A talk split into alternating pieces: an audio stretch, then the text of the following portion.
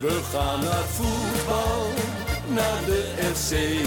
En dan is het eh, is Jan van Dijk die heeft het beslist. Ja, fantastisch natuurlijk. Is tegen Ajax een oor. Roestak en het is 2-0. Juichen wij als FC Roestak met zijn Groningen weer tweede. Juichen wij als FC Groningen weer scoort. Podcast, aflevering nummer 31 van seizoen 4.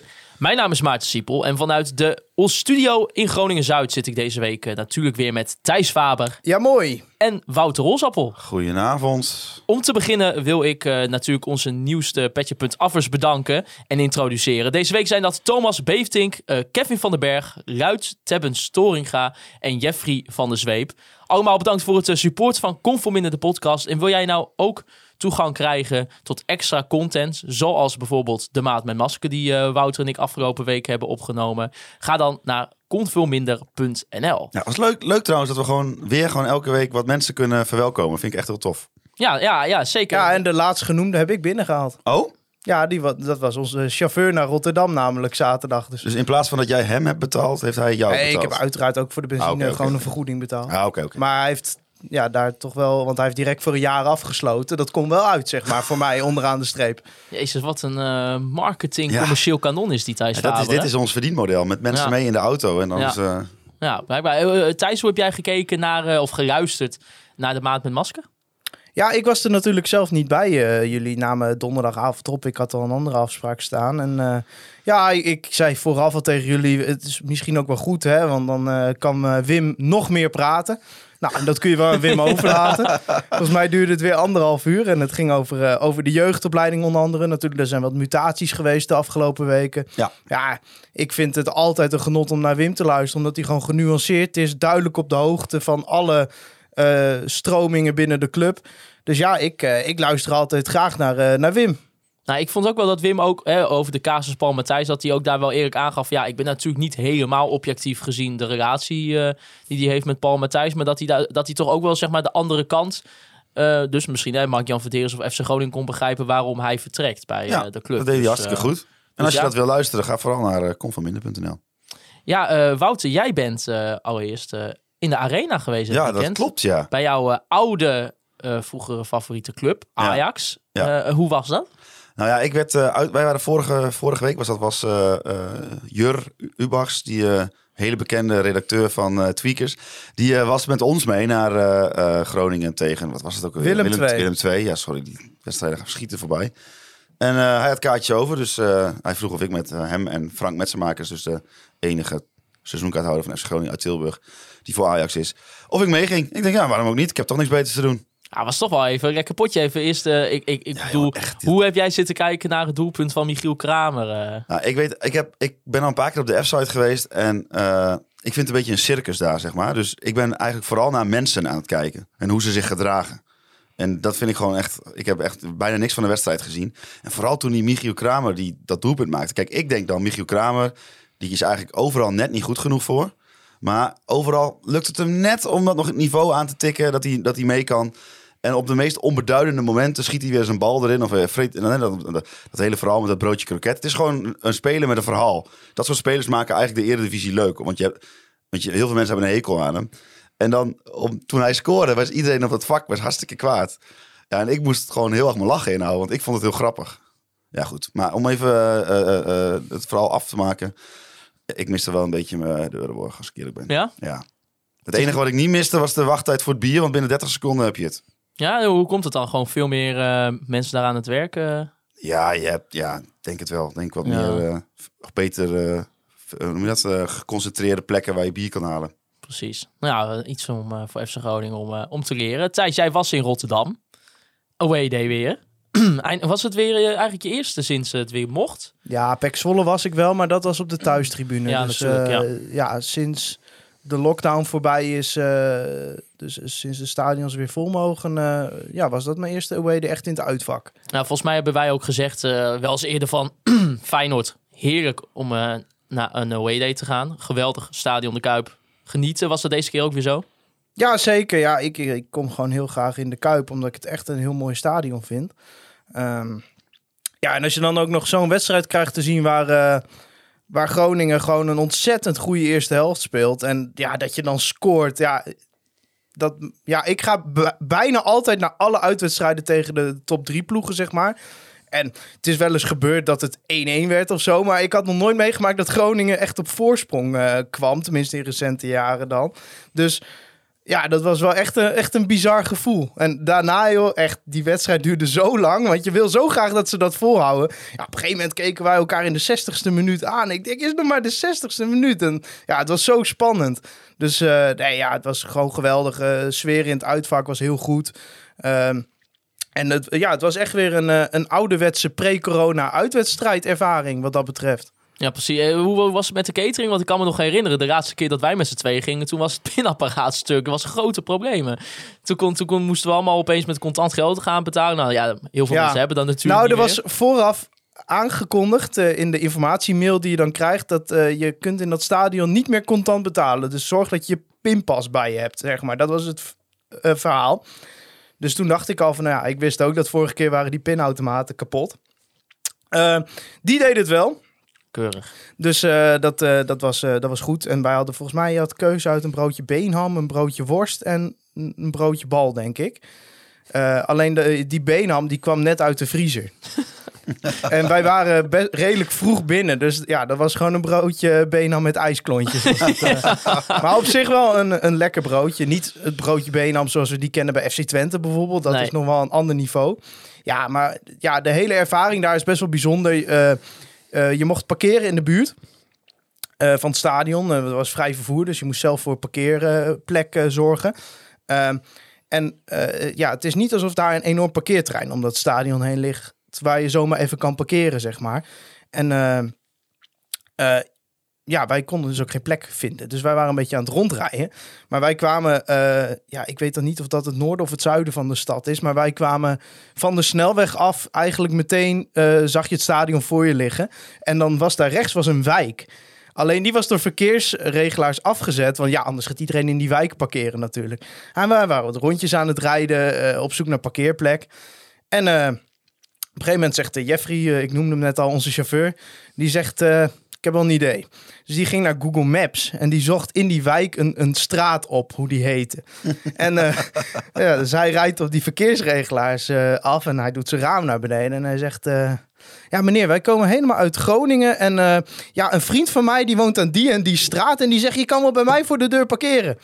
en die verkeersregelaar die zegt, ja dat kan wel wezen. Maar nee, deze wijk is dicht. Dat was echt zo'n ras-echte Rotterdammer als verkeersregelaar ook. Hij zegt, ja, maar hij zei dat het wel kon en eh, dit en dat. Hij zei, nou, rijd voor deze keer maar door. Maar zeg even tegen die vriend van jou dat we dat normaal niet doen. Nou, toen hadden we ineens parkeerplek, ja. Heerlijk. En na de wedstrijd, ik hoorde van medesupporters, die hebben een uur in de file gestaan rond het stadion. Wij stonden binnen een kwartier, zaten wij, eh, Bij Utrecht ja, zaten wij op de snelweg. Dus dat was echt top. Ja, dus eigenlijk eh, gewoon wel een topavond eh, gehad. Ja, zeker. Kijk, het is jammer dat je die 1-1 tegenkrijgt. We zullen het zo inhoudelijk over die wedstrijd gaan hebben. Ik denk dat het ook wel terecht was. Ehm, maar gewoon eh, dat gevoel naar die 1-0 en, en toch die, die hoop die je in je hebt dat je, dat je daar resultaat gaat halen. Ja, dat was wel een hele, hele bijzondere ervaring. Hey, maar voordat we naar die wedstrijd gaan, eh, Siepel. Jij was eh, vrijdag eh, gewoon op de clubkanalen eh, te vinden hè, van FC Groningen. Ja, met, eh met Mo Kouri natuurlijk en Frank Veenhoff. eh ja, vol beschouwend op, eh, op Feyenoord. En eigenlijk de reden dat, dat ik er zat was ook wel een beetje om de podcast die wij ooit met Mo hebben gemaakt. Omdat eh, het vanuit FC Groningen wilden ze het natuurlijk ook wel even hebben over de keuze dat Mo vertrekt. En een beetje alvast terugblikken op zijn carrière bij FC Groningen. Dus eh, ja, toen belde Richard van Elzakker eh, van, nou wil je daar misschien ook wat vanuit Yugi kant vertellen? Omdat wij toch, eh, nou ik pak een beetje anderhalf uur eh, podcast. Ik het wel weer gek dat hij aan jou belt en niet Thijs of mij. Ja, veilige optie hè. ja. Dit hebben we vorige week ook al besproken. Oh ja. Ja, oh, nou Maar hoe was het met Mo? Ja, ja, ik heb altijd wel. Ik, ik moet wel zeggen, ik vind het altijd wel. eh, en ik weet, ik ben niet helemaal objectief. Moet ik ook heel eerlijk in zijn als het om Mo en Koeri gaat. Eh, maar ik moet wel zeggen, de, de shit die hij toch wel ook op, op social media over zich heen krijgt... op het moment dat er wordt aangekondigd dat hij eh, nou, daar dan te gast is. Ja. Eh, tenminste, ik denk niet dat al die reacties voor mij waren als ik het zo zag. Want er stonden ook een aantal bij van ja, die moet nooit meer spelen voor ons of weet ik veel wat. Dus ik denk, nou, dan gaat het niet over mij. Maar ik, ik vind dat wel een beetje triest. Want ja, ik, aan de andere kant, ik, kan, ik snap op zich enigszins wel waar het, waar het gevoel vandaan komt. Want ja, weet je, zeker de, sinds hij de aanvoerdersband heeft gekregen, is het niet meer echt duur van het altijd geweest. Maar ja, ik, ik, zoals we hem dan ook hebben toch ontmoet. Het is zo'n lieve jongen. En ik- ja, ik vind dan toch zijn verhaal vind ik dan zo goed. Ja. Jij, jij Eh, zou ook meteen als een van de eerste dingen gewoon mootje tegen hem, hè? Ja, Mootje. Ja, Mootje. Ja, en Mo vond mijn schoenen ook mooi. Ik vond zijn schoenen mooi. We hadden allebei mooie Nike's aan. We waren helemaal goed voorbereid. Dus eh, daar even leuk over gepraat. En eh, nou ja, weet je, het is, het is voor hem natuurlijk wel interessant wat hij straks gaat doen. Zeker Ja. nu hij eh, ja, toch nog nu 13 maanden vader is. Dus hij is nog best wel jong vader. En nou, hij zegt wel naar het buitenland te willen. Dus, en hij heeft natuurlijk straks natuurlijk de opties in principe ook open liggen. Want hij kan gewoon tekenen. Nou, niet waar hij wil. Want de clubs moeten hem nog wel willen. Maar ja, het geeft hem wel... eh, gewoon wat opties. En ik denk ook dat voor hem het, ja, het hoofdstuk FC Groningen wel echt prima af te ronden is. Zo drieënhalf jaar, eh, denk ik, het maximale eruit gehaald voor zijn doen. Eh, aanvoerder geworden. Nou ja, daarna is het misschien wel wat minder gegaan. Dus je kan wel zeggen dat het ook wel weer een beetje als een nachtkaars uitgaat. eh, het verhaal. Je had toch misschien gehoopt dat hij nog net zo goed was geweest. En dat we misschien met z'n allen hadden gezegd: jammer dat hij vertrekt. Maar ja, dat gevoel heerste denk ik gewoon niet echt eh, uiteindelijk bij, bij de meeste supporters. Dus, Ja, ik, ga, ik hou in ieder geval zeg maar, een sympathiek gevoel over aan hem. Daarom, en ik heb dat ook. En nou vind ik het soms een beetje sneu om te zien hoe er toch ook wel op social media op hem gereageerd wordt, zeg maar. Ik denk dat dat niet echt per se ja, zo nodig is altijd. Dan eh, eh, de shirts. Ja. Dat was natuurlijk ook opvallend. Ja. Eh Office Center, ja, natuurlijk hartstikke failliet. Dus, eh, dus er moest iets aan die... Ja, we lachen er wel om. maar ja, het is wel- ja, ja, het is triest, ja. Maar eh, ja, de uitjes moesten natuurlijk worden veranderd. En ik weet nog wel, volgens mij zaten we een beetje te grappen van... wat gaat FC Groningen doen? Ja, ik was echt bang dat ze er gewoon met duct tape iets overheen zouden plakken Ik dacht of ook, zo. ik denk ook, dit, gaat, dit wordt echt verschrikkelijk. maar ik denk, dit is keurig opgelost. Ik heb zo. even nagevraagd. Eh, ze hebben dus, wat ze er gedaan hebben is, ze hebben van twee shirts één gemaakt. Oké. Dus ze hebben eigenlijk wat ze gedaan hebben, is gewoon twee shirts gepakt. Twee eh uitshirts. En hebben ze gewoon bij de ene hebben ze een strook waar geen sponsor op staat, hebben ze eraf geknipt. En ik weet niet zeker of ze hem dan ertussen hebben genaaid of er bovenop. Volgens mij ertussen genaaid, denk ik eerder. Maar goed, dat hebben dus die eh, dames van, eh, van Hully eh, gedaan. Ik weet niet of jullie dat wat zegt van Hully. Maar dat is zeg maar een soort naaiatelier. Daar kunnen vooral vluchtelingenvrouwen die aan het werk willen, kunnen daar dan aan het werk gaan. En tegelijkertijd een opleiding krijgen. Dus tegelijkertijd kunnen ze nog alle kanten op, zeg maar, na een jaar. Dus dat is een eh, ja, soort sociaal eh, maatschappelijk project. En ook wat ook geld verdient. Dus ik vind het ook heel tof dat FC Groningen juist die mensen benadert om Ja. dat te helpen. En je ziet wat die mensen kunnen. Want ik weet niet hoe jullie ernaar kijken. Maar als je dan toch je shirt moet veranderen op zo'n korte tijd. En met de middelen die je hebt, dan is dit toch echt wel heel gruwelijk. Hoe ze het gedaan Ja, hebben. ik vond het ook. Ik denk niet dat je het beter in dat opzicht had kunnen doen. Want eh, net wat Thijs zegt, ik dacht, het was wel weer classic FC Groningen misschien ook wel geweest. En dat was ook wel weer cult geweest. Dat het gewoon was een zwart vlak. afgeplakt. Ja, Ja, met tape, met duct tape. Precies, ja, dat was ja. En weet je, en wij hadden het er ook wel over, Thijs. Aan de andere kant hebben we ook wel eens zoiets van, ja, waarom raad je niet gewoon staan? Ja, dat heb ik zeker ook omdat ik hoorde dan Gudde ook zeggen van... Kijk, dat, die rand op dat dak van dat stadion... Ja. Daar staat ook allemaal Office Center op. Nou ja, als je dat wil gaan vervangen... dan moeten mensen met een hoogwerker komen... en dan moet dat doek weg. Dan ik denk, ja, weet je, laat het gewoon hangen. Ja, je, het is niet alsof ik het stadion binnenkom... en dan zie ik Office Center en dan denk ik... oh, ik ga morgen weer eens even een pak papier bij Office Center kopen. Oh nee, ze zijn failliet.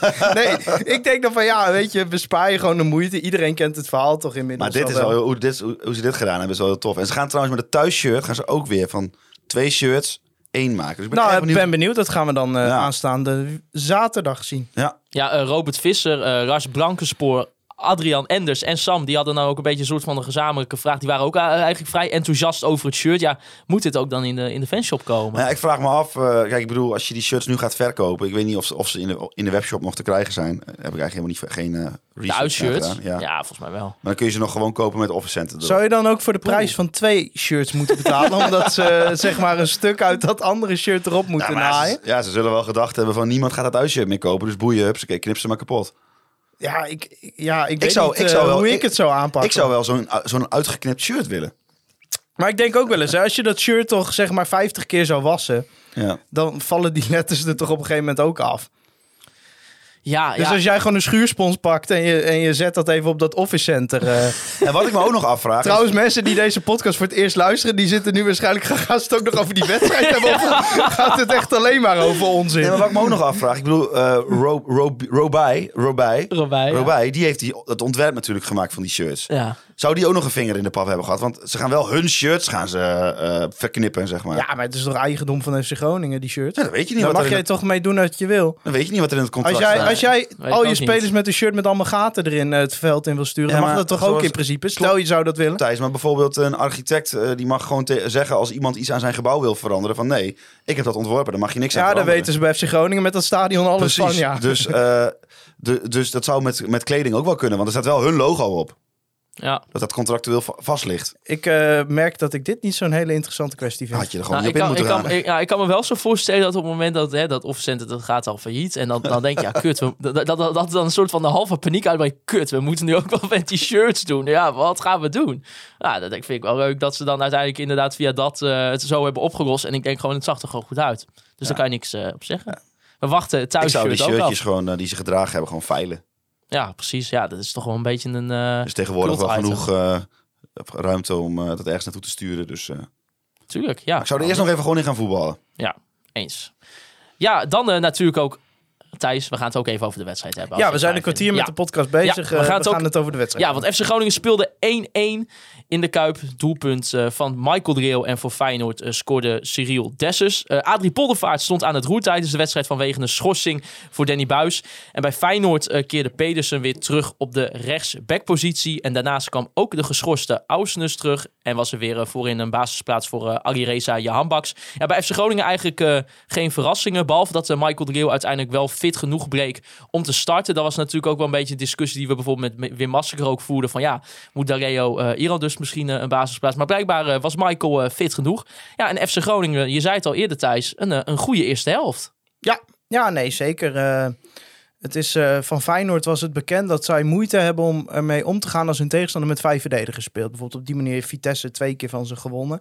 Ehm, en daarom was het ook best te verwachten dat Groningen eh, daarmee zou gaan starten.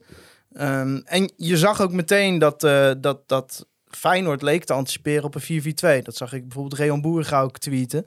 Ehm, Die heeft er verstand van. ja, en, en daardoor zag je dat Feyenoord eigenlijk geen druk kon krijgen op Groningen. Ja, en dan gaan spelers als Casemiro en Duarte ineens ruimte krijgen. Ja, en dan eh, blijken ze toch behoorlijk goed te kunnen voetballen, eh, FC Groningen. Eh, op een gegeven moment, vlak voor rust, kreeg Feyenoord wel weer de grip terug. Maar ja, het stond het al 1 over Groningen natuurlijk. En ja, je ziet eigenlijk, daar kon je eigenlijk het beste aan zien dat Feyenoord eerst geen grip kreeg op Groningen. Eh, na de rust hadden ze dat ineens wel. En dat had te maken met de omzettingen van Feyenoord, waardoor ze ineens wel met die vijf verdedigers om konden gaan. Maar ja, Groningen had er al van geprofiteerd eh, op dat moment. En natuurlijk voor die goal ook al een aantal kansen gehad met Strand Larsen onder andere, die gewoon die goal moet maken volgens mij. Ehm, ja, dat is, dat is een, gewoon een goede eerste helft. Ja, ik vond de tweede helft wel echt, echt heel veel minder. Kijk, Ja. tuurlijk, Feyenoord gaat komen. Hè? Publiek gaat erachter. Feyenoord heeft meer kwaliteiten dan Groningen. Eh, maar ik geloof niet dat het één keer is gelukt om de bal meer dan twee keer naar elkaar over te spelen. En ja, dat, dat, dan, dan is dat contrast wel heel groot. Dus ik, eh, het resultaat is top, teken je vooraf voor. Maar ja, ik loop nu niet de Polonaise van eh, het is voetballend ineens zoveel beter of zo. Nee, Hols, jij eh, zat ook samen met mij even, even natuurlijk weer eh, geheel terug te kijken. Ja. Want, ik kon de wedstrijd niet zien, want mijn ouders waren 41 Nee, jaar precies. Nou ja, ik, ik was ook, ik kon het ook niet zien. Dus wij hebben het even natuurlijk braaf terug zitten kijken zo net. Ja, was, wat ben je het eens met Thijs? Die eerste helft was wel echt lekker. Ja, die eerste helft was heel goed. En ook inderdaad, denk ik wel, op tactisch gebied. Dat je zowel, dat je Feyenoord op bepaalde momenten een beetje in vertwijfeling ziet. Wat ze precies moeten doen. En dat Groningen daar met een paar snelle aanvallen eigenlijk misschien nog wel meer uit had kunnen halen dan één doelpunt. Hè, op een gegeven moment eh, hebben we ook die paas van, eh, die met die buitenkant rechts van Duarte. Ja, Die bij Strand Larsen terechtkomt. En die geeft hem eigenlijk niet zo goed voor. Want die, er staan gewoon, nou, ik weet niet of ze vrij stonden. Maar dat is, dat is toch wel weer zo'n momentje dat ik denk van... Kom op jongen, je staat nu in die 16. Hupsakee. Go- ik, ik vond. Strand Larsen echt heel slecht spelen.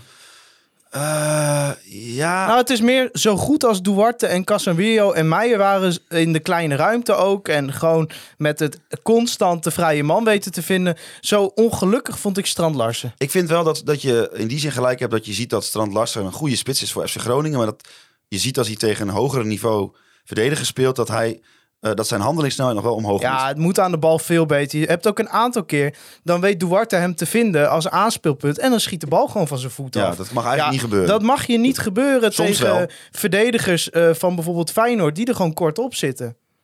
Ja, dan eh 23e minuut. Het doelpunt van FC Groningen. Nou, dan kunnen we gelijk natuurlijk even gaan naar het Online Retail Company moment van de week.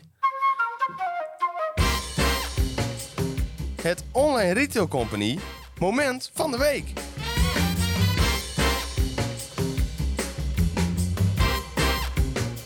Ja, ons moment van de week. Gesponsord eh, door onze grote vrienden van de Online Retail Company. Meer dan 15 geweldige webshops. Thijs zei het vorige week ook allemaal uh, verdelgingsspul. Ja. Uh, hondenvoer, eh, de- kattenvoer. eh, het voorjaar komt er weer aan, hè? Dus al die ehm, insecten komen weer. Dus als je dan naar lastvan.com gaat, dan kun je vast wel iets vinden om jouw huis er in ieder geval van te beschermen. Ja, en ik vond het al redelijk warm de afgelopen week eh, in, eh, in Groningen. Het zonnetje scheen weer, de lente komt eraan. Ja, ik denk, je wil wel wat verkoeling.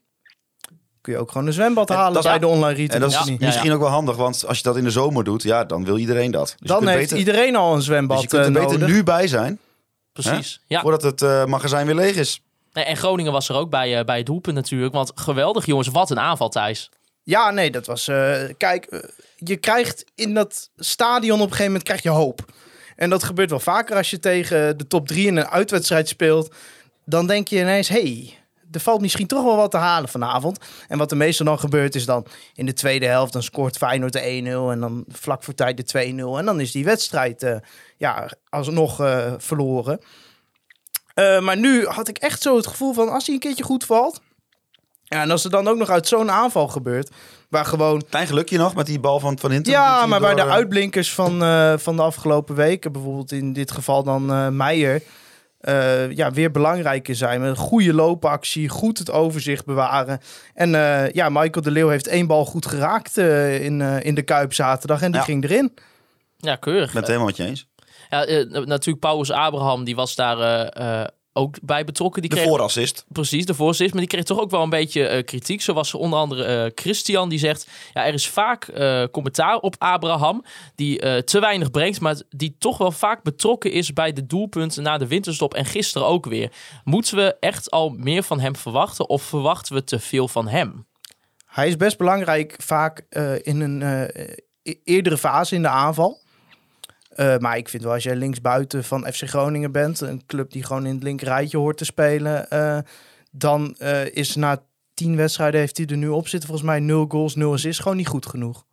Nee, ik heb zo de statistieken daar niet voor eh, bij de hand. Ik kan het wel even voor je opgezocht. nou ja, Maar hij heeft in ieder geval nog geen goal en nog geen assist dit seizoen. Zeg maar, eh, bijvoorbeeld ook eh, Tony Harkema had ook aan ons willen weten... Ja, eh, wanneer is zeg maar een beetje het punt waar hij zijn eh, krediet gaat eh, verspelen? Nou, bij mij, nog, bij mij nog niet hoor. Nou, ik zie, ik, daar, ik ik vind zie wel namelijk een dat... stijgende lijn. Ja, oké, maar hij is belangrijk in aanvallen tot nu toe. Ook belangrijk Dat in zie, je, dat zie je eh, met die balletje buitenkant voet op Meijer. Dat is gewoon goed gezien.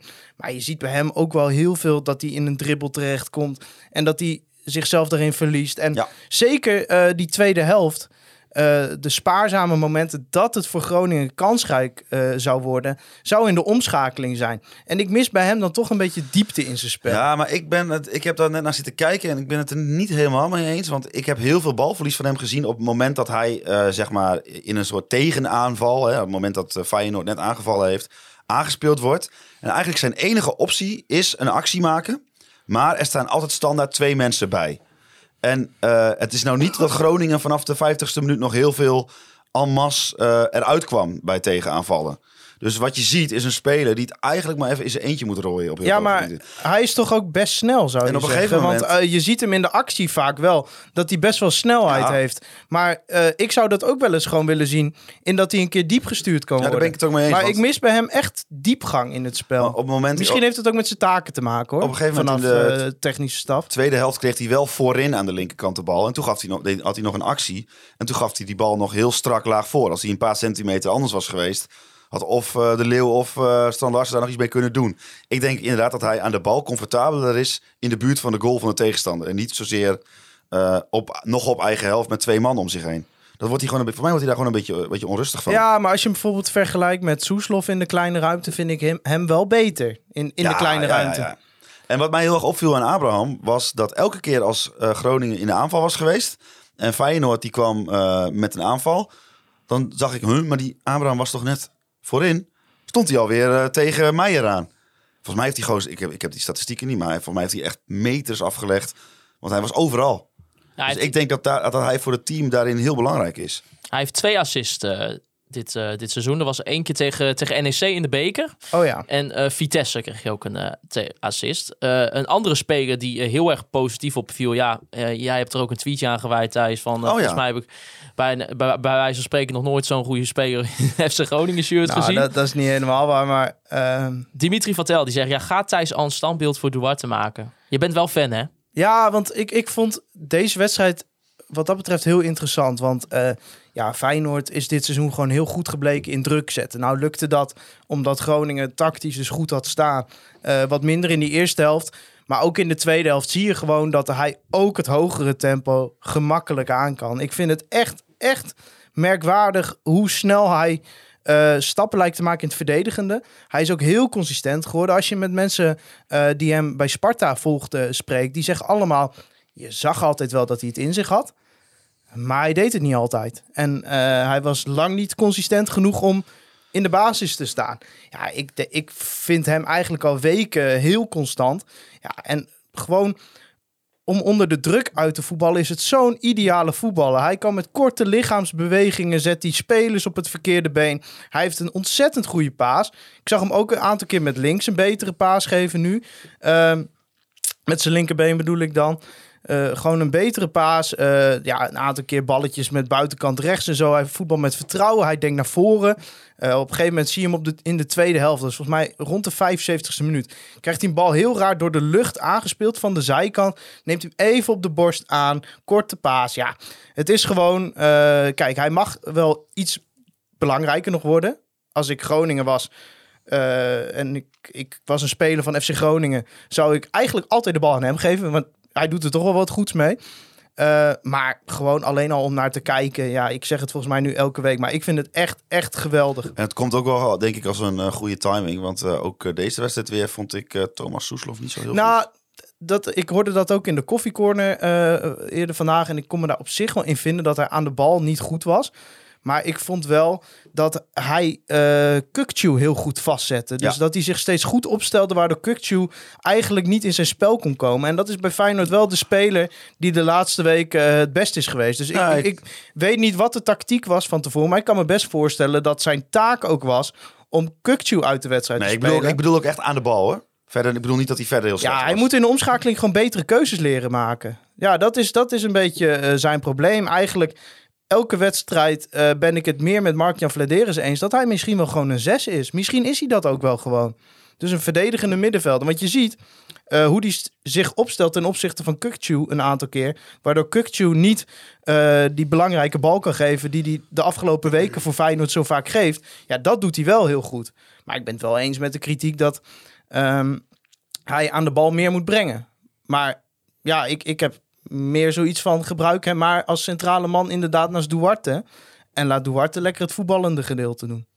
Ja, nou ja, goed. Hij kan, ik vind, als hij gewoon voetballend zijn niveau had, kunnen ze allebei aan de bal hele goede dingen doen. Ja, oké, maar, Maar als, jij toch Mike Twierik bent, hè? Nou, eh, we zien het tegenwoordig al met tegenstanders. eh, die hebben gewoon vooraf afgesproken, laat die maar vrij in de opbouw. Want eh, als de paas al naar voren gaat, komt hij of bij ons terecht of gaat hij over de zijlijn.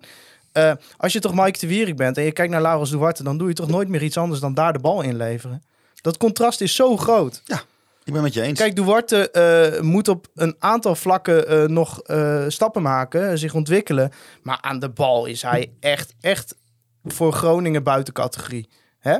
Ik zeg niet dat hij als speler buiten categorie is. Daarvoor moet hij nog Voor- een hoop ontwikkelen. Maar aan de bal is het echt top. Ja, de voorzitter van de supportersvereniging van Sparta reageerde nog op jouw tweet. Hè? Dat, hij, hè, dat hij bij hun, eh, dat hij toch wel een beetje jammer vond dat hij dan weer bij Sparta zo weg is gegaan. Ja, nou ja, dat had ook zijn redenen. Eh, eh, natuurlijk omdat die al een heel sterk middenveld hadden. Ja. En gewoon een trainer we hebben die opteert voor jongens die echt verdedigend sterk zijn. Dat was hij niet, maar je ziet ook dat hij daar stappen aan maken is. Ja. En hij begint ook op te vallen bij de analisten Ja, klopt. van eh, ESPN. Ja. Ja, iemand, iemand eh eh, praatte hem al naar AZ.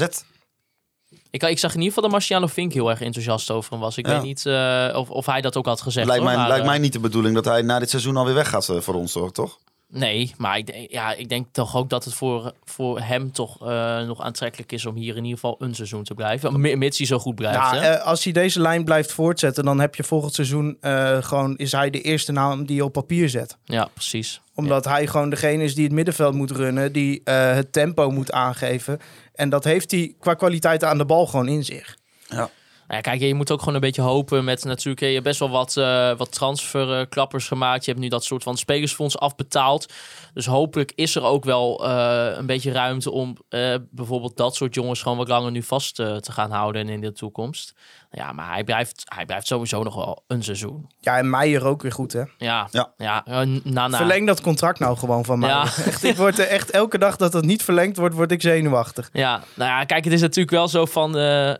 Ja, het is wel. wel- eh, kijk, eh, zijn, zijn vorm is nu zo enorm goed. Het is nu zo'n hype aan het worden. Ik bedoel, er, er moet straks ook nog wel weer een moment zijn dat het een beetje inkakt, toch? Normaal En dan kun je beter dan zijn contract verlengen. Is eh, salaris technisch gunstiger. Ja, je, je ziet wat dat betreft, kijk, eh Casemiro heeft ook zo'n fase gehad dat hij echt heel goed was. Toen is het een tijdje wat minder geworden. Ja, nu zie je, heeft hij zijn niveau weer Ja. terug. Zo, die was ook goed tegen Feyenoord. zeg. Ja, en die was natuurlijk vorige week tegen Willem II ook al goed. Eh, ja, wel Meijer je- gaat denk ik ook zo'n fase krijgen. Maar ik denk wel, Ik denk wel dat omdat je- Meijer van nature een hele degelijke speler is, dat, en dat hoop ik, dat zijn ondergrens dan niet te laag ligt. Het enige wat, wat je Casemiro kan verwijten, of tenminste, je kunt het hem niet echt verwijten. Je ziet wel dat als hij een verdediger is, het is niet een echte ouderwetse stopper. En dat zag je wel bij het doelpunt van eh Dessus, denk ik. Ja, nee, ja. Dus dan zit hij wel gewoon even, qua timing, even helemaal, helemaal mis. Maar Ja, ik weet niet of je hem dat heel kwalijk kan nemen. Want dat Ja, maar zo- die hele organisatie stond verkeerd Ja. bij die goal van we kunnen, daar, we kunnen daar wel gelijk inderdaad ook heen gaan. Want je ziet inderdaad eh, na de rust dat eh, Arne Slot wel een goed antwoord heeft op de tactiek eh, van FC Groningen. Eh, ze maken ook een aantal wissels. Nou, Cyril Dessers, de doelpuntenmaker, komt er in de 56e minuut eh, in. En eh, eh, nou ja, inderdaad, eh, Robin Happix die vroeg het ook. Waar, eh, voordat deze tegengoal valt, zien we dat Zwerko is 10 pagina's situaties eh, moet worden uitgelegd. Je speelt daardoor ook nog eens met 10 man, want Bjorn Meijer die stond bij de zijlijn. En krijgen we de tegengoal. Mogen we ondertussen niet verwachten dat mensen weten wat ze moeten doen? En eh, met 11 was dit, eh, was dit doelpunt misschien eh voorkomen geweest. Dat kunnen Ja, dat vind ik echt wel lastig. Want ik heb geen idee wat er op die pagina staat. Nou, eh, los van die pagina's, volgens mij is de reden dat ze Meijer niet meteen wisselde, is omdat, ze, omdat hij aan de eh, medische staf aangaf dat hij nog wel door wilde. Ja, en dan laat je hem natuurlijk staan. Je hebt ook niet echt op linksback heel veel opties. Nee. Dus, eh, en hij speelde gewoon een goede wedstrijd. Dus ja, of het nou echt ermee te maken heeft dat hij instructies kreeg, volgens mij, eh, als iemand die van nature geen linksback is, ineens op linksback moet komen, is niet raar dat je hem even uitlegt eh, eh, hoe, hoe die moet staan, hoe Feyenoord staat. Ehm, dus ja, ik, ik vind het dan te makkelijk om te zeggen, daardoor krijg je die goal tegen. Ja, wat wel zo is, is omdat er even een speler wegstaat, viel die organisatie ineens weg. Die organisatie die de rest van de wedstrijd heel goed stond. Ja, en dan zie je, eh, ja, tegen een topploeg eh, kun je zelf dat niet permitteren. Nee. Ja, trouwens, eh, dat mag ook wel even worden gezegd. Een, eh, een, ook een, echt een klasse tweede helft van Peter Leeuwenburg. Hè? Die zit er wel echt een paar keer goed bij. Ja, die- ja, die pakt gewoon een punt voor je. Ja, nou, die, die, die- Als, het niet, als, hij niet, eh, als hij geen terugspeelballen hoeft te verwerken, is het een goede keeper voor, Ja. ja, want a- aan de bal is het nog steeds, jeetje, er zijn drie, vier ballen weer over de zijlijn gegaan. Ja, moet ik wel zeggen dat het ook wel klote ballen waren. Ja, soms wel hoor. Maar soms denk ik ook wel van ja. Maar je ziet wel, Ja, maar Thijs- hij is in de 16 ook zekerder bij voorzet en zo. en- hè? maar wat wel- Twee, drie cornertjes op rij pakt hij hem En wat ook zo is, is dat hij misschien aan het begin van het seizoen... dat hij dan dacht, als hij zo'n klote bal krijgt, van ik neem hem nog even aan. Nou, ik heb toch liever dat hij hem, dus, dat hij hem het stadion uitschiet... dan dat hij hem aanneemt en dat het daar dan fout mee gaat. Dus ik denk dat hij ook wel iets sneller de keuze durft te maken van... knap, peer hem gewoon weg, kutbal. Ja, nou ja, prima. Maar hij heeft gewoon een goede wedstrijd gekiept. Hij had Absoluut. één momentje voor rust. Maar dat dacht ik in het stadion dat dat een fout was. Maar ik zag hem later terug. Dat hij de bal voor de voeten van die speler eh tikte. Ja, maar die, ja, dat was ook wel een lastige bal om te Ja. verwerken. Maar En daarna springt hij er weer heel goed voor. In de tweede Ja. instantie. Eerst wordt, eh, volgens mij haalt eh, Bart van Hintem haalt hem er nog uit. Vervolgens haalt Meijer haalt hem eruit. Het is in de 45ste minuut, geloof ik. En eh, daarna eh, schiet hij, eh, wordt er nog een keer geschoten.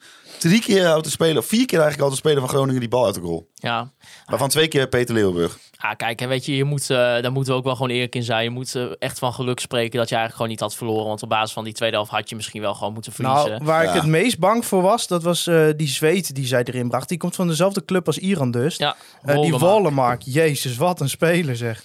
Ja, nou ja, de- inderdaad. En, en Ja, daar zag je gewoon, za- bij de eerste aanname dacht ik al, oh god, dat, dit eh, worden lange eh, 30 minuten toen, eh, eh, waren er toen nog over. Nee, die moet nog even helemaal fit worden. Maar je ziet er wel aan dat dat in potentie een eh, heerlijke speler voor Feyenoord kan zijn. Ja, die liet de verdediging echt alle hoeken van de 16 zien op een gegeven moment. Maar kijk, weet je, Groningen stond wel gewoon goed. Weet Ja, je, daarom. Dus, Want dat zie je eh, ook als ze goed staan. Dat zo'n Bart van Hintem, die lijkt dan ineens gewoon echt een hele goede centrale ja, verdediger. Ja, nou ja, heeft, volgens mij heeft hij echt bijna niks verkeerd gedaan namelijk. Hele goede wedstrijd van, eh, van Hinton. Ja. Ja. Dus als je het met z'n hè, dat is eh, eh, zo- zo'n wedstrijd tegen Feyenoord laat zien dat als je als team goed staat, dat je individuele spelers die eigenlijk het niveau nou ja, tegen het niveau aanzitten of het net niet meer hebben eigenlijk, dat nou Bart speelde gewoon echt een goede wedstrijd. Nou ja, de tweede helft was dan van FC Groningen wel natuurlijk wel van wat mindere kant dan de eerste helft. Arjan Tangs die had dan de vraag. Ja, enig idee waarom de eerste helft eh, de laatste tijd zoveel beter zijn dan de tweede helft bij FC Groningen? Nou, ik denk dat eh, bij, deze wedstrijd is het denk ik vrij makkelijk te verklaren. Ik denk dat bijna alle energie van FC Groningen in de eerste helft heeft gezeten. Ik bedoel, je, ziet, je zag ineens, dat hebben we ook al weken en maanden niet gezien. Of maanden, wees misschien een beetje overdreven. Je zag, we hebben al weken niemand meer met kramp gezien. En ineens hadden ze allemaal kramp eh, op een gegeven eh, in, de, in de wedstrijd. ik denk gewoon dat ze gewoon echt alle energie in die eerste helft hebben gestopt. En in de tweede helft, Feyenoord is gewoon twee klassen beter. En dan komt dat gewoon, ja, misschien ook wat tactische eh, omzettingen. Nou, dat vind ik de reden waarom deze wedstrijd specifiek de eerste helft beter was. Ehm, omdat de eerste helft had Feyenoord door hoe Groningen stond, ja, die hadden tactisch geen vat erop. Ja, en je ziet dat omdat Slot dat in de tweede helft dan bijstuurt, dat ze dat dan wel hebben. Ja, dan gaat ineens de kwaliteit van Feyenoord eh, beter eruit komen en dan ga je het lastig krijgen. Maar ja, het is natuurlijk wel zo dat eh, we wel vaker zeggen, ja, eerste helft was goed, tweede helft minder. Dus ja, wat dat betreft heeft, eh, ik weet niet wie deze vraag stelde, wel, wel gelijk. Maar ik denk dat voor deze wedstrijd specifiek dat het met name, ja, zowel in de energie die Groningen in de eerste helft gooide, als het tactische aspect lag. Nou ja, eh, eh, Pa- Patrick, ik wou zeggen Patrick, maar dit was eh, niet Patrick Keizer, maar die stuurde ook wel een vragen. Maar dit was Patrick die vroeg, hoe verklaren jullie dat het spel na de winterstop zoveel beter is dan voor de winterstop? Terwijl er niet echt versterkingen zijn gehaald. Want ja, daar moeten we wel eh, eerlijk in zijn. De jongens die zijn gekomen, zijn allemaal niet per se een directe versterking geweest. Bogarde, nee. Eh Matuta, niet echt. Nee, maar ja, kijk, je, eigenlijk als je het zo bekijkt, Duarte. Er zijn eigenlijk alle argumenten die Danny eh, Buis constant gebruikt om te zeggen dat hij geen volwaardige selectie had, zijn nu de argumenten waarom hij het veel meer heeft. Want Duarte kwam binnen als vervanger van Matusiwa. Die had amper een voorbereiding eh, gedraaid en was nog niet fit. Die is nu fit. En speelt er al een half jaar. Dus dat, die heeft nu wel wat hij toen niet had. Nou, zo kun je denk ik voor nog wel een paar spelers doorgaan. Je hebt in één keer linksback die, eh, die uit het niks ineens eh, eh, de beste speler van je, een van de beste spelers van de selectie is. Eh, ja, wie nog meer? Je hebt een Casanvirio die toen nieuw was en het al heel goed deed. En nu echt, nou ja, hij zegt het eigenlijk in het interview met, eh met ESPN, zegt hij het zelf. Dat hij gewoon leiding geeft aan, aan het team. Ja, Peter Leeuwburg die natuurlijk Peter Leeuwburg, die- beter in staat. Die weet, ja, die, ik zag iemand reageren met als je jongens vertrouwen geeft en je laat ze staan, dan wordt het beter. Ja, dat klopt. Dat is, dat is het. Maar wij hebben ook wel in deze podcast gezegd toen, eh, toen het winterstop was van ja, er moet wel echt wat bij. Ja, Je hebt een, een, een gok genomen eh, door heel veel spelers te halen waar he- wel heel veel potentie in zit. Ook al op de korte termijn potentie. Eh, maar ja, je had niet de zekerheid dat dat eruit ging komen. en dat kwam er de eerste seizoen zelf ook vaak niet uit. Aan de andere kant kun je wel zeggen dat als deze technische staf elk seizoen één ding heeft laten zien, is dat, dat zij ook binnen een seizoen enorm kunnen ontwikkelen met het team. Kijk, vorig seizoen was dan eh, toevallig een hele goede periode eh, voor de winterstop. Na de winterstop werd het minder, maar als team ontwikkelde het zich. Ja, en nu moest je relatief weer op nul beginnen. Vijf sterkhouders vertrokken. Elke speler moest zijn rol in dat elftal vinden. En dan heb je ook nog met spelers te maken die of niet fit binnenkomen, eh, of gewoon ontzettend onervaren zijn. Eh, ja, dat wat er overbleef, dan heb ik het over de Twierix en de Van Hintem. Ja, die, dat zijn geen spelers waar die spelers zich aan op konden trekken.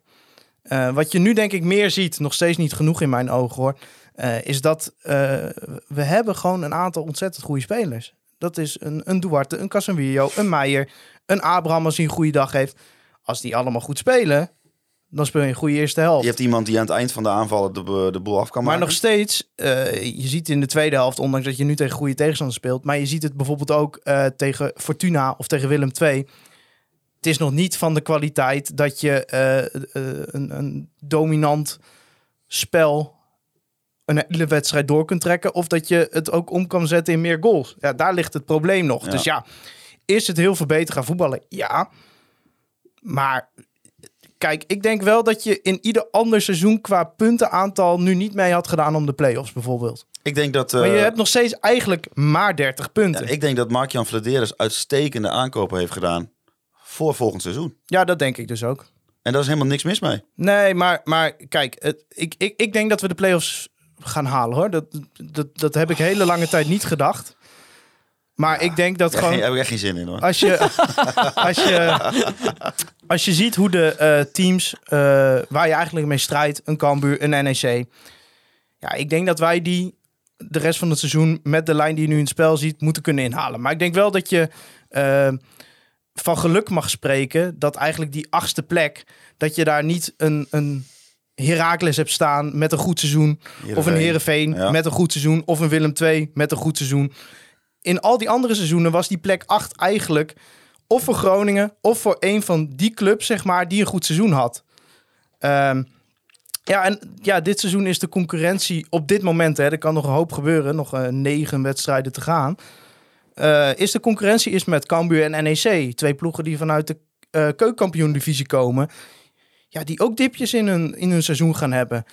En omdat Herenveen eigenlijk al weken niet draait. Eh, en Heracles dit seizoen ook geen goede ploeg heeft. Ja, dan komt plek 8 ineens in zicht. En dat zou een topprestatie zijn. En ik haal het heel graag. Maar ik vind niet dat je dan eh, ineens kan zeggen van... oh ja, dan waren die aankopen ook allemaal oké. Voor de lange termijn wel. Maar nog steeds blijf ik bij het punt dat je... als je vijf sterkhouders wegdoet... eh, wat je kan doen... en je haalt er spelers voor terug... waar wel veel potentie in zit... dat je daar op dat moment realistischer over had kunnen zijn. Ja. En uiteindelijk ga je het halen. En dat is van de technische staf een topprestatie. Maar ook zeker van Mark-Jan Vladeris. Want spelers als Duarte, Casanvillo... dat zijn gewoon op dit moment goede aankopen gebleken. Hele goeie. Maar zijn we misschien dan een beetje hè, eind, midden december eh, ja, onterecht een beetje te bang geweest voor de ik huidige niet. situatie? Vind ik niet, Nee, want, want- ik vind dat het in de context van toen... Groningen heeft een heleboel echt kansloze wedstrijden gespeeld. Echt wedstrijden met een ondergrens die ver onder wat we in andere seizoenen hebben gezien. Ik spreek over een NEC uit, een Sparta uit de tweede helft. Dat zijn wedstrijden, nou denk aan eh, RKC thuis bijvoorbeeld. Dat zijn wedstrijden, dat is een niveau wat we eh, dachten dat we onder deze technische staf niet meer zouden zien. Kijk, natuurlijk, andere seizoenen heb je ook slechte wedstrijden gespeeld. Maar dat was wel echt, Een echt fase. letterlijk een kansloze wedstrijd, zeg maar. Ja, maar ook een fase met kansloze wedstrijden. Ja, Want wat Ferdy, Ferdy Dailies altijd zegt... eh, je, bent, je bent FC Groningen. Je speelt, af, je speelt af en toe een kansloze wedstrijd. Ja, hoort erbij. Maar ik, ik vond dat het, zeg maar, structureel... We hebben echt de fase gehad dat we 7 à 8 wedstrijden niet wonnen. Ja, dan is het volgens mij meer dan logisch dat Ja. je wel zegt van... hey, eh, jongens, misschien moeten we wat meer naar beneden kijken. Maar ja, eh, je hebt je mede door een fase met mindere tegenstanders goed weten op te richten. Ja, en afgelopen zaterdag speel je een hele goede eerste helft. Nou, het is interessant om te zien hoe dat zich ontwikkelt. Eh, voetballend is het zeker beter geworden. Ja, en daar wordt ook natuurlijk volgende week zo interessant tegen NEC. eh. Hele belangrijke Ja, wedstrijd precies. meteen. Ja, over, eh, over Adrie Poldervaart. eh, mensen waren natuurlijk alweer Weer enthousiast over geen het... eh, Overwinning. Nee, geen overwinning. Percentage blijft op nul staan. Maar mensen gingen natuurlijk wel heel goed op het eh, interview eh, met Stefan Breken. En natuurlijk de legendarische quote van laten we elkaar geen kut of lul noemen. natuurlijk. Ja. Eh, bijvoorbeeld uh, Sjoerd-Jan Gispen die, die vroeg... Ja, wat moeten we doen om Freddy er nog van overtuigen... dat, uh, dat Adrie niet weg mag bij FC Groningen? Ja, ik eh, denk dat, dat het een vrij kansloze exercitie is. Ja, Zou ook niet echt van heel consistent beleid getuigen. Als je nu ineens, ineens zou zeggen... Nou, Adrie, heb jij een leuk interview gegeven? Weet je wat? Laten we het eens over contractverlenging hebben. Nee, ja, zonder gekheid. ehm, en dat heeft niet te maken met deze wedstrijd. Maar ja, ik vind nog steeds dat dat... eh, ik, ik begrijp de keuze nog steeds niet. Als jij een assistent hebt ehm, die, nou ja, wat je hoort, waar spelers mee weglopen, eh, die goed ligt eh, onder een groot deel van de achterban. Dat je daar eh, ja, eigenlijk zonder daar een specifieke reden over te geven, eh, zomaar eh, ja, niet mee doorgaat. Terwijl, oké, dat je Danny Buis na vier jaar laat gaan, prima. Dat je Adrie Poldervaart na drie jaar laat gaan, prima. Maar ik ben toch echt wel benieuwd waarom. Ja, dat weet ik niet. Kijk, als Frank Wormoed had gezegd... ja, eh Adrie en ik vullen elkaar niet genoeg aan. Ik zie eh, liever een andere staf voor ons. Prima, natuurlijk, dan moet je dat doen. Frank Wormoed is de hoofdtrainer. Maar eh, het contract van Adrie was al opgezegd... voordat Frank Wormoed kwam, zogenaamd. Want volgens mij liepen die gesprekken al veel langer. Maar goed, Vladeris blijft volhouden dat dat niet zo is. Ehm, maar bijvoorbeeld Alves Arts, zijn contract, is nog niks over bekend. Maar van Adrie is meteen gezegd, nee, gaan we niet doen. Ja, waarom? Ja, Ik ben, ik ben wel eens benieuwd.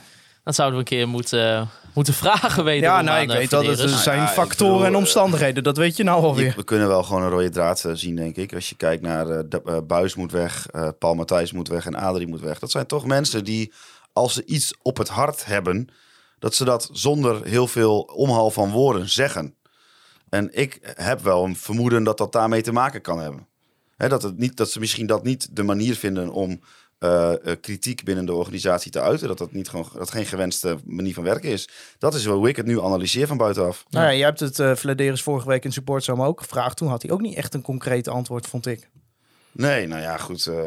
ik weet niet meer zoveel van dat gesprek. Ja, had we, ja, had weer bier gedronken Ja. natuurlijk. Ja, precies. Eh er was nog een eenjaarsvraag van eh, Bas Bouwman. Die had het eh, over Wessel Dammers, zomaar weer. Die zegt, ja, volgens mij neemt Willem II Wessel Dammers niet over wanneer ze degraderen. Ja, en die kans die lijkt nu best wel groot te zijn. Zouden we blij moeten zijn als, als Dammers terugkeert? Speelt wel veel bij Willem II. Prima wisselspeler. Ja hoor, goed voor de breedte. Ja, toch? Nou, klaar. Ja. ja, duidelijk antwoord. Als hij het zelf ook leuk vindt, want dat is nog natuurlijk ook nog wel een dingetje. Ja, ja, dat, ja, dat weet ik niet. Ik, ik, ik, ben er, eh, ik ben er eigenlijk wel van uitgegaan dat, dat Wessel Dammers er ook wel van uitging. Van nou, blijft, die blijven er wel in en dan, eh, dan komt het wel goed. Ja, Dan daar is hij zelf bij, hè? Ja, klopt. Dan moet hij zelf nog wel even de komende moet zeggen, als hij gewoon hard zijn best doet, dan degraderen ze niet. Nee, ja, ze staan nu, eh, heel simpel, ze hè? staan nu vijftiende. Even kijken, met eh, eh, vijf puntjes achter. Of zeg maar voorsprong dan op, eh, op Sparta. Dus dat is, eh, nou ja, dat is nu nog genoeg. Dus, eh, maar ze, ja, ze zijn gewoon niet zo in heel erg beste vorm. Of vier Nou ja, wedstrijden Sparta krijgt er gewonnen. waarschijnlijk nog drie punten bij, hè? Ja, klopt. Ja, dat, dat, eh, dat gaan we natuurlijk zien hoe, hoe, zich, hoe, dat, hoe die uitslag uiteindelijk rondkomt. Maar ik denk wel vooral dat, dat Wessel Dammers vooral hoopt dat hij gewoon kan blijven bij Willem II. Ik weet het niet. Ik heb hem nog nooit gesproken, dus geen Nou, idee. Ik kan het wel zo invullen volgens Ja? mij. Ja. Dan het faillissement van, van Office Center. Ja, op 10 eh, februari werd al bekend dat eh, Office Center niet aan de contractuele verplichtingen eh, kon eh, doen eh, richting FC Groningen. Dat eh, zou rond een bedrag van eh 925.000 euro zijn. Wat, wat FC Groningen nog zou moeten krijgen van, van Office Center. Ja, en toen ging het failliet. Zoals de reactie van Wout Gudde was, ja, dit betekent een grote financiële scheur in de broek. Bijna een miljoen euro is op onze omzet een substantiële bijdrage. Daarnaast heeft het tussentijds wegvallen van een hoofdsponsor grote organisatorische consequenties vanwege alle uitingen die overal in het stadion eh, te zien zijn. En niet op de laatste plaats ook eh, op onze training en wedstrijdkleding. Nou, we hadden natuurlijk al over het shirt en over de banner die eh, hoog in de Euroborg hangt. Nou, jongens, eh, hoe eh, veel invloed zal dit wel niet kunnen hebben? Eventueel ook misschien op het spelersbudget voor komende zomer. Ja, het geld moet ergens vandaan komen. Want het, ja, het is natuurlijk inbegroot dat je dat geld gewoon krijgt. Zoals dat gaat als je met elkaar een contractuele afspraak maakt. Ja, en blijkbaar eh, kon Office Center daar niet langer aan voldoen. Het is wel, ik heb niet ontzettend veel verstand van dat soort dingen. Ze zijn, maar ze zijn eh, overgenomen door een eh, investeringsgroep uit, eh, uit België volgens mij. Ja, en als je kijkt wat voor bedrijven die onder hun hoede hebben en om hoeveel geld dat gaat, dan denk ik ja, kun je het dan niet daar vandaan halen, zeg maar. Maar ja, dat zal vast juridisch allemaal dichtgetimmerd zijn. Ja, het is wel gewoon enorm pijnlijk. Ook natuurlijk, moet gezegd, de mensen die in die winkels werken. Dat is ook gewoon kloten, zijn ook gewoon hun baan kwijt. Volgens mij zit in bijna elke stad in Nederland wel een office center winkel. Ja, Maar dat die gaat niet, eh, eh, zijn ook hun baan kwijt. Dat gaat niet doorgestart worden of zo. Ik weet het niet. Ik, eh, ik weet niet wat eh, die investeringsgroep voor eh, plannen met eh, Office Center heeft. Maar eh, ja, het is in ieder geval duidelijk dat eh, Groningen eh, kan fluiten naar die bijna 9,5 ton. En, Ja. ja, ja, en dat is eh, op de omzet van FC Groningen wel pijnlijk. En je moet gewoon op zoek gaan naar een eh, nieuwe hoofdsponsor ineens veel sneller. Want natuurlijk, eh, er zat een opzegtermijn van 18 maanden op dat contract. Ja, dan had je lekker nou, anderhalf jaar om eh, gesprekken te voeren met partijen en dergelijke. Ja, nou moet je zo snel mogelijk. Eigenlijk wil je het liefst nog de rest van het seizoen zelf Ja. met een partij op, op, op shirt spelen. Ja, goed, dat is misschien een beetje wishful thinking. Maar je moet wel ineens gewoon in juni, juli, als het seizoen weer begint, ja, moet je gewoon een sponsor hebben. Ja, En dat is in, eh, in, in deze tijden, eh, ook al voor corona, merk je gewoon dat steeds meer clubs moeite hebben om daar een sponsor te krijgen die eh, nog voldoet aan de oude bedragen, zeg maar, wat clubs kregen voor een sponsor. Dus ja, het is eh, op, op meerdere manieren is het echt, eh, echt een flinke klap. Nou ja. Die, die, die, die directeur van Easy Toys, die moet toch gewoon zeggen, hier, hier heb je wat geld. ja, ja, wie weet, misschien. Allemaal, Ja. allemaal een vibratortje en een paar miljoen euro. ja, toch? precies. Ja, Scapino hebben wij wel eens ook gezegd. Was het maar zo makkelijk, jongens? Ja, ja, ik weet het niet. Ja, eh. hierom ben ik ook waarschijnlijk geen algemeen directeur van een voetbalclub. Nee, dat lijkt me eh, ook maar goed dat jij dat niet bent. Statement van Wouter Rolsappel. Dan de aanstaande zaterdag dan speelt de FC Groningen s'avonds eh thuis tegen NEC Nijmegen. Eh, NEC staat negende in de eredivisie en daarmee eh, één punt boven FC Groningen. Afgelopen weekend verloor NEC in de thuiswedstrijd tegen AZ met 1-3 door doelpunten van Carlson, Evjen en voor NEC scoorde dan nog Rodrigo goed. Eh, Ondanks het resultaat waren de Nijmegen waren, Nijmegenaren eigenlijk best wel tevreden over de wedstrijd. Was dat Hens bij die 1-0, denken jullie? Nou, ik denk dat het Hens was. Volgens mij wel. Ja. Ja. Ja, ja, Nee, in dat opzicht zat het een beetje voor ze tegen. Eh, maar ja, NEC heeft eigenlijk uh, na de winterstop het niet uh, echt heel erg goed uh, gedaan. het verloor vlak voor de winterstop uh, drie keer op rij, rij, En maakte dat eigenlijk nog wel deels goed door in de laatste drie wedstrijden dan uh, voor de kerst. Die nog wel allemaal uh, te winnen. Maar eigenlijk na de winterstop hebben ze nog maar één wedstrijd gewonnen. En dat was tegen SC Heerenveen in de Eredivisie. En verder uh, konden ze nog wel een puntje sprokkelen tegen RKC en PEC Zwolle. Dus ze zijn niet echt in goede doen. Uh, nu hebben wij wel twee keer verloren van NEC. Ja. ja. Eén keer natuurlijk uh, nog recent in de KVB-beker werd er uh, tegen een soort van ja, B-team eigenlijk ja, dat was verloren. Niet best. Uh, ja, maar dat was wel geflatteerd, hè, die wedstrijd. Ja, nee, maar het was niet best dat je tegen een B-aftal verloor. Nee, maar ja, weet je, als nee. je die wedstrijd tien keer speelt, dan ben je hem acht keer. Nou, ik weet niet. Ik vond het, uh, als je het inderdaad, er waren zoveel jongens maar die die één wedstrijd kregen. was misschien wel de slechtste wedstrijd van FC Groningen nou ja, dit seizoen. Dat was in de, de 3-0 inderdaad. Dat was alles. Dat was echt Murphy's Law, die wedstrijd. Ach man, dat, wel, ja, dat was ja, misschien wel inderdaad de slechtste wedstrijd van het seizoen. Maar dat, dat denk ik nu wel even hardop na. Maar ja, er moet toch ook dan een keer worden gewonnen van NEC thuis. Ja, dat kan nu niet ja, anders. Zeker in deze fase. Als jij inderdaad uh, die play-offs wil gaan halen. En uh, volgens mij is dat best waar we nu mo naar mogen gaan kijken. Tuurlijk, je kunt ook wel een beetje onder, uh, nog naar onder kijken. Maar daar staan inmiddels zoveel ploegen die ook allemaal zo belabberd in vorm zijn. Dat je denk ik in ieder geval niet meer naar degradatie hoeft te kijken. Dus dan uh, kan het vizier op, uh, op plek 8 worden gezet. Ja, dan moet je wel op een gegeven moment ook nog over NEC heen. Ja, en dat kan, uh, dat kan zaterdag al volgens mij. Ja. Jullie oma gooit wel een beetje uh, het roet in het eten, hè? Ja, onze oma die gaat met ons uit eten aanstaande zaterdag. Ja, ja maar Thijs en ik gaan wel kijken of we nog ergens in de tweede helft naar binnen kunnen komen. Ja, want uh, het etentje is in Van der Valk Westerbroek. En dat is echt ontzettend dicht bij het ja. stadion. Dan kun je en, bijna lopen doen. Ja. ja, en anders gaan we nog naar het supporters home. Uh, dus uh, dat, wij, gaan in ieder geval, wij gaan in ieder geval naar het stadion toe. Ja, nou, okay. Of ik een seconde live van die wedstrijd ga zien met, samen met Thijs. Ja, dat is ik de vraag nog. Dat is even nog de vraag. Uh, sowieso is bij NEC ook nog wel even afwachten wie er allemaal beschikbaar zijn. Um, zo heeft, zoals Rogier Meijer zegt in interviews, NEC nog wel een beetje een behoefte aan een echte targetman. Ze hebben vier topscorers, allemaal met vijf doelpunten. Dat zijn uh, Okita, Bruin, Akman en uh, Tafsan. Uh, en ja, verder ontbreken, ontbraken er afgelopen week nog wel een aantal spelers op de training. Zoals Jordi Bruin, Ivan Marquez, die natuurlijk eigenlijk al dit seizoen ook al een beetje een irritant ventje is. ik zie altijd als Marquez speelt, dan zie ik iedereen twitteren wat een verschrikkelijke speler. Maar volgens mij zitten ze in Nijmegen er echt van te genieten hoe, hoe heerlijk stabiel die jongen is. Dus ja, het is nog even afwachten met of ze iedereen beschikbaar hebben. Maar ja, het moet nu wel even een keer gaan gebeuren. Het, is toch, als, als, we nu, Ja. als we nu echt willen zeggen, we willen meedoen aan die play-offs, dan is eigenlijk deze wedstrijd het meest cruciaal. Het is best een goede ploeg. Eh, zeker een paar lange centrale verdedigers. Op een of andere manier vond FC Groningen het in die vorige twee wedstrijden een goed plan om vooral heel veel hoge lange ballen op Stan Larsen te geven. Nou ja, ik hoop dat ze dat nu niet doen. Eh, Bart van Hintum ik heb kennen, wel, eh, de laatste wedstrijd die ik van NEC heb gezien was eh, eh, uit bij Vitesse. Daar vond ik ze niet sterk. Zeker niet aan de bal. Maar ze hebben wel met Okita en Tafsan, dat zijn wel echt hele handige spelers die ook echt wel eh, van subtop Nederland niveau zijn, zeg maar. Dat is, als ik naar Abraham kijk, zijn die twee nog wel een stuk beter. Dus En gaat eh, Groningen weer met vijf achterop? ik weet het niet. eh ligt eraan wat, eh, wat, wat technisch staf verstandig lijkt. Ik denk dat ze ook wel zoiets hebben van... In vier, of, met vier achterop ging het ook goed.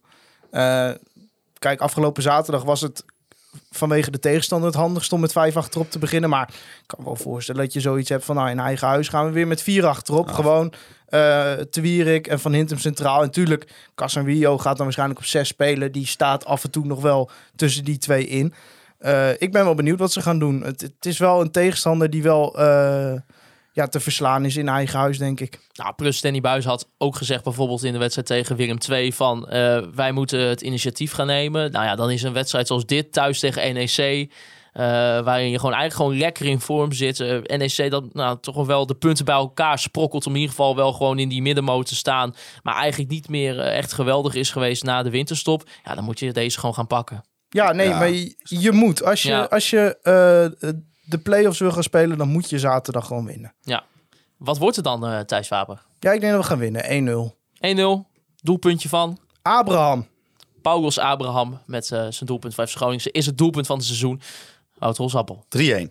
3-1, doelpunten van. Wil ik ook horen, vind ik altijd mooi. Eh, Abraham, ehm, Strand Larsen en Iran dus. Iran dus, oh. Ja. Een invalbeurtje. En, eh, Oké, klasse. Ik ga 2-0 Ik denk dat Iran zeggen. dus gaat eh, zijn beste wedstrijd voor FC Groningen We hebben de. Michael de Leeuw discussie niet eens gehad, deze podcast.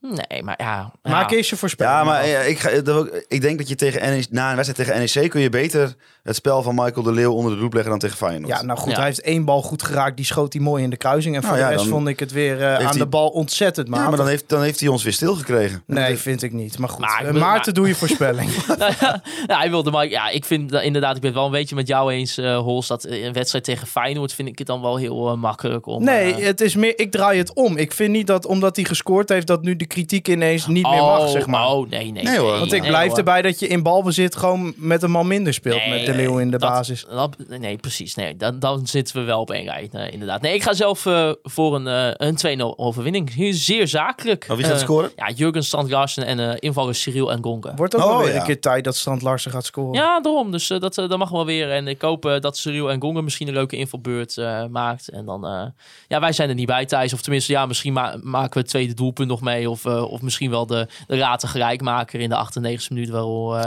waardoor we niet eh, winnen. Ja, dat, eh, wij, wij kunnen de planning niet maken. Je hebt ook Nee. familieplichten waar je aan moet voldoen. Als ik er nou eens voor zorg dat die wedstrijd tijdelijk gestart wordt. Nou ja, ja als jij een stadionverbod eh wil voor 60 maanden daarvoor, dan vind ik wel uitstekend. Roep ook zeker niet op om dat te doen. Nee, nee. Nee, nou mooi, gelukkig kunnen we niet uh, Wouter Holsappel op het veld verwachten dit, uh, dit weekend. Uh, jullie kunnen Conforminder de podcast volgen op uh, Spotify, Apple Podcast en Google Podcast. Raad ook even, zover je dat nog niet hebt gedaan, een review achter via deze kanalen. Je kan ons natuurlijk ook volgen op alle social media kanalen. Facebook, Instagram en Twitter. TikTok. TikTok, ja. ja de, We moeten wel weer meer TikToks maken. Ja. Die eerste ging goed hoor. Ja, klopt. Maar ja, dan, dan moeten we misschien weer een speciale podcast gaan maken waar we filmen, hè? Nou, ik film jou gewoon de hele, hele podcast. Dat is goed. Dan, uh, dan uh, zie je mij binnenkort op, uh, op TikTok verschijnen. Eh, ik wil Andy Zuidema ook eh, bedanken natuurlijk voor de foto's die wij elke week mogen gebruiken. De Online Retail Company en B-Trip voor de Online Retail Company moment van de week. Natuurlijk al onze petje.affers voor het steunen van Conforminder, de podcast. Wil jij nou ook toegang krijgen tot extra content, zoals bijvoorbeeld een nieuwe De Maat met Masker, een tegenstander van de week, uh, hier en daar een, een podcast waar, uh, waar je dan eerder toegang tot hebt, zoals bijvoorbeeld een aflevering met de manager topsportontwikkeling Wouter Frenke. Dan ga je naar conforminder.nl. En ik wil als laatste natuurlijk ook nog Vee Westhoff en Mark Pepping bedanken voor de intro en outro muziek. En jullie voor het luisteren naar Conforminder, de podcast. Groningen.